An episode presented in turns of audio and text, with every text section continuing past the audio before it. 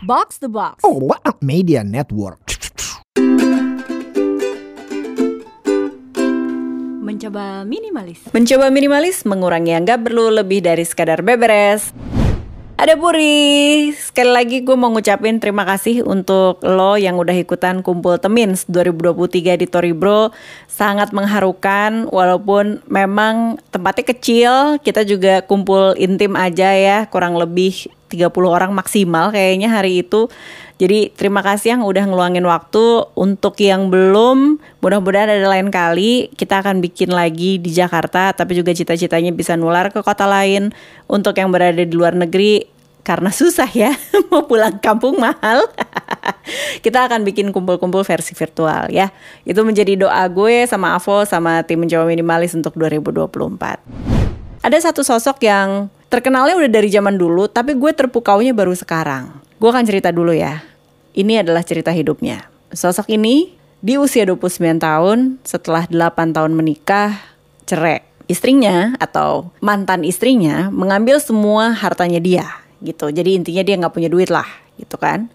Gak lama setelah dia cerainya udah selesai prosesnya, anaknya 8 tahun ini terdiagnosa dengan leukemia atau kanker darah lah ya. Um, dan nggak punya asuransi lagi saat itu. Semua harus dibayar pakai uang pribadi di mana sebenarnya uang pribadinya nggak banyak-banyak amat karena kan mantan istrinya udah ngambil duitnya semua.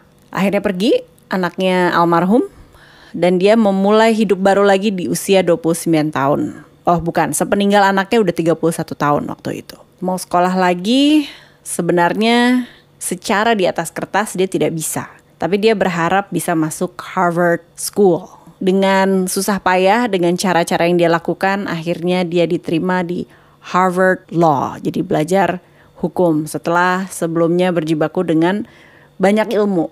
Orang ini tuh sebenarnya orang pintar kalau secara akademik di sekolahnya. Tapi ya hidup terus melemparkan dia tai-tai kehidupan gitu ya. Sampai di satu waktu begitu ya di usia dia ke 52 dia katarak habis katarak dia pergi ke dokter dong. Terus ya udah operasi aja. Sejauh ini kan kita tidak menganggap katarak sebagai sebuah penyakit yang mengerikan gitu. Ya udah tua aja gitu. Ntar operasi juga bener gitu. Untuk orang ini sayangnya tidak seperti itu jalan hidupnya.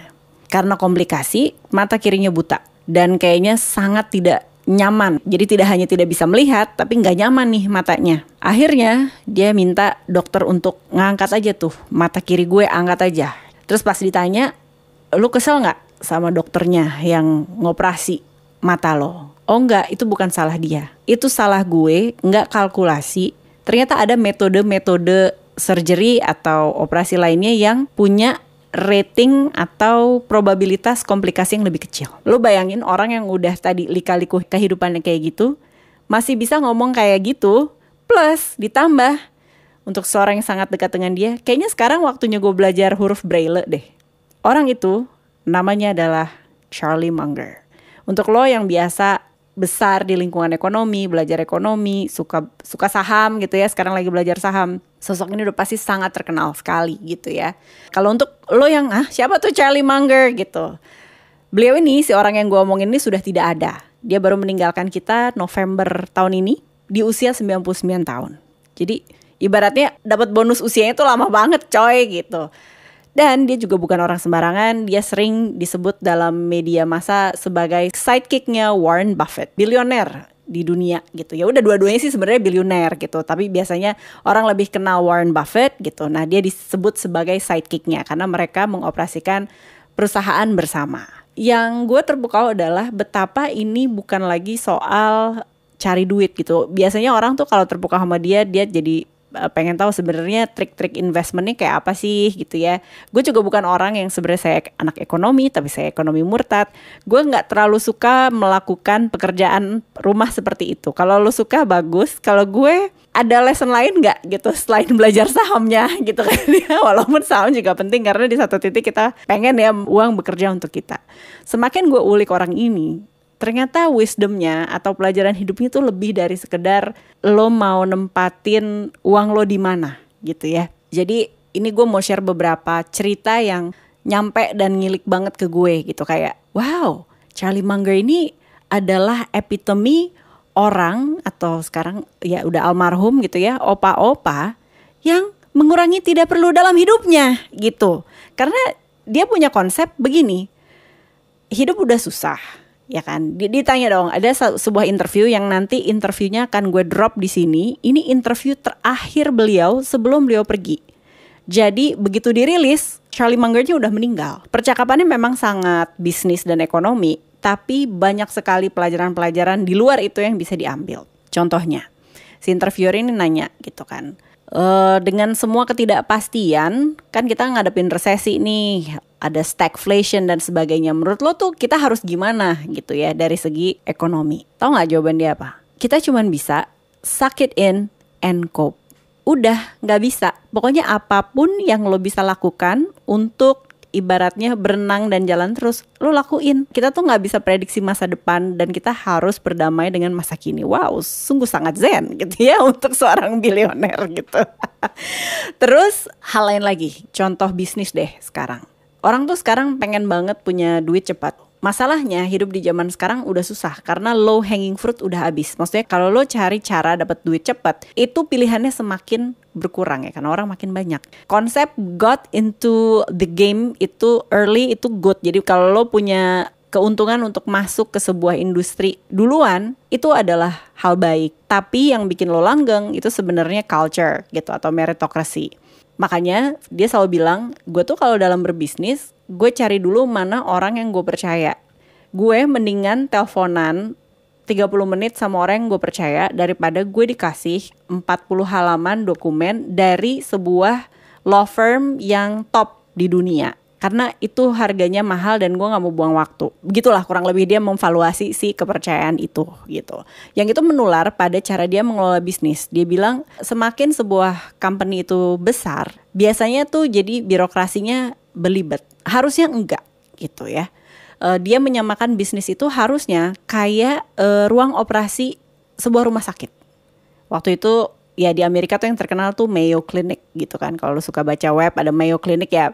Karena si Mayo Clinic ini terkenal banget lah gitu kan. Paling top notch untuk menyembuhkan pasien gitu dengan segala servisnya. Menurut dia bisnis tuh harusnya kayak gitu. Kan ada dokter, ada perawat, ada dokter anestesinya. Itu kan mereka nggak nanya harus lapor siapa dulu ya. Pokoknya kita mau nih pasien secepat mungkin keluar dari ruang operasi itu dan baik-baik saja, sembuh dan happy gitu. Nah, harusnya bisnis kayak gitu. Itu adalah kepercayaan. Apakah si dokter yang mau operasinya nanya anestesinya udah pas atau belum? Enggak, dia harus percayain sama dokter yang anestesi. Begitupun dia harus percaya sama perawatnya. Nah, pastinya lo harus menyeleksi orang-orang yang capable untuk melakukan itu tapi ya udah nggak usah dibikin ribet gitu. Jadi harusnya secara bisnis atau secara korporasi dia tuh bekerja seperti sarang laba-laba di mana ya udah lo mengerjakan sebuah project semuanya saling percaya dan kelar gitu. Jadi nggak usah punya banyak-banyak orang untuk melakukan yang tidak penting. Seenggaknya itu yang gue tangkap dari uh, percakapan terakhirnya beliau gitu ya dalam sebuah interview. Terus kebetulan karena interview ini lagi-lagi ngomongin Uh, jadi gimana dong kalau lo pengen memilih berinvest di sebuah bisnis yang thriving gitu ya. Menurut gue tuh menarik sekali ketika dia ngomong gini. Ya dalam hidup dan juga dalam berbisnis gitu, lo harus menemukan kombinasi antara sangat-sangat sabar dan juga sangat agresif. Lo harus bayangin dalam hidup ceritanya ya, ini dia hipotetik gitu. Hypothetically, lo cuman punya waktu untuk nonjok dalam satu kehidupan itu empat kali Apakah lo akan nonjok sembarangan? Enggak dong gitu. Jadi tugas lo adalah memperhatikan, belajar, menunggu. Tapi kalau lo rasa lo harus nonjok di satu waktu, pastikan tonjokan itu berarti. Karena lo cuma punya empat tonjokan. Yang itu ujung-ujungnya dia nanya lagi kan, lo invest di mana aja sih? investasi dia hanya di empat hal. Lo bisa cari sendiri deh di invest di mana gitu ya. Salah satu yang gue inget sekali adalah Costco. Costco itu untuk lo yang gak familiar, biasanya ini yang sempat tinggal di Amerika Serikat atau tinggal di Amerika Serikat itu tuh kayak anak zaman dulu bilangnya makro sekarang bilangnya Lotte Mart. Di mana kalau lo ke supermarket sistemnya membership dan kalau jualan tuh harus dalam bentuk bulk. Jadi lo nggak bisa beli satu shampoo doang lo harus beli minimal 5 shampoo. Nah si Charlie Munger ini invest di satu perusahaan itu gitu. Dari empat dari total empat. Terus ditanya kenapa lo cuma empat aja? Gitu. Karena lo nggak bisa jadi expert di semua hal. Menurut gue katanya si almarhum Munger. Empat tuh udah cukup dan ini mewakili beberapa industri. Lo nggak bisa expert di semua hal, pastiin aja apa yang lo invest ya lo paham dan lo ngerti. Dan ini menular juga pada political view dia. Dia bilang, gue tuh nggak terlalu suka berada di ekstrim kiri ataupun di ekstrim kanan. Dan gue juga mempertanyakan sistem demokrasi di mana yang kita lakukan sekarang itu masih relevan apa enggak? Menurut dia udah enggak sih sebenarnya. Lo bisa uh, ulik sendiri lah. Tapi intinya dia sangat hormat dengan dua nama ini. Benjamin Franklin ya semua orang Amerika rata-rata sangat suka dengan Benjamin Franklin gitu ya yang mukanya ada di uang dolar Amerika Serikat yang gue nggak nyangka dia menyebut nama Lee Kuan Yew secara leadership ya jadi itu kan adalah uh, kepala negaranya Singapura untuk sekian lama gitu jadi kalau mau ngomongin demokrasi mah pastinya Singapura tidak sama dengan Indonesia gitu kan um, kenapa dia suka karena menurut dia karena orangnya pragmatis kali ya semua keputusannya dia itu, keputusan Lee Kuan Yew itu punya efek bola salju. Misalnya, waktu itu tuh Singapura lagi mau memutuskan penggunaan bahasa nasional. Menurut dia, penggunaan bahasa nasional Inggris saat itu adalah keputusan yang pintar. Karena ya udah lihat aja sekarang kan kalau lo komunikasi dengan ya dunia gitu ya pakai bahasa Inggris dan akhirnya Singapura jadi hubnya Asia Tenggara lah gitu. Terus waktu awal-awal dia memerintah Singapura itu punya masalah dengan opium opium dan orang teler ya. yang dia lakukan adalah orang teler itu dipenjara atau dihukum, yang jualan opium dihukum mati.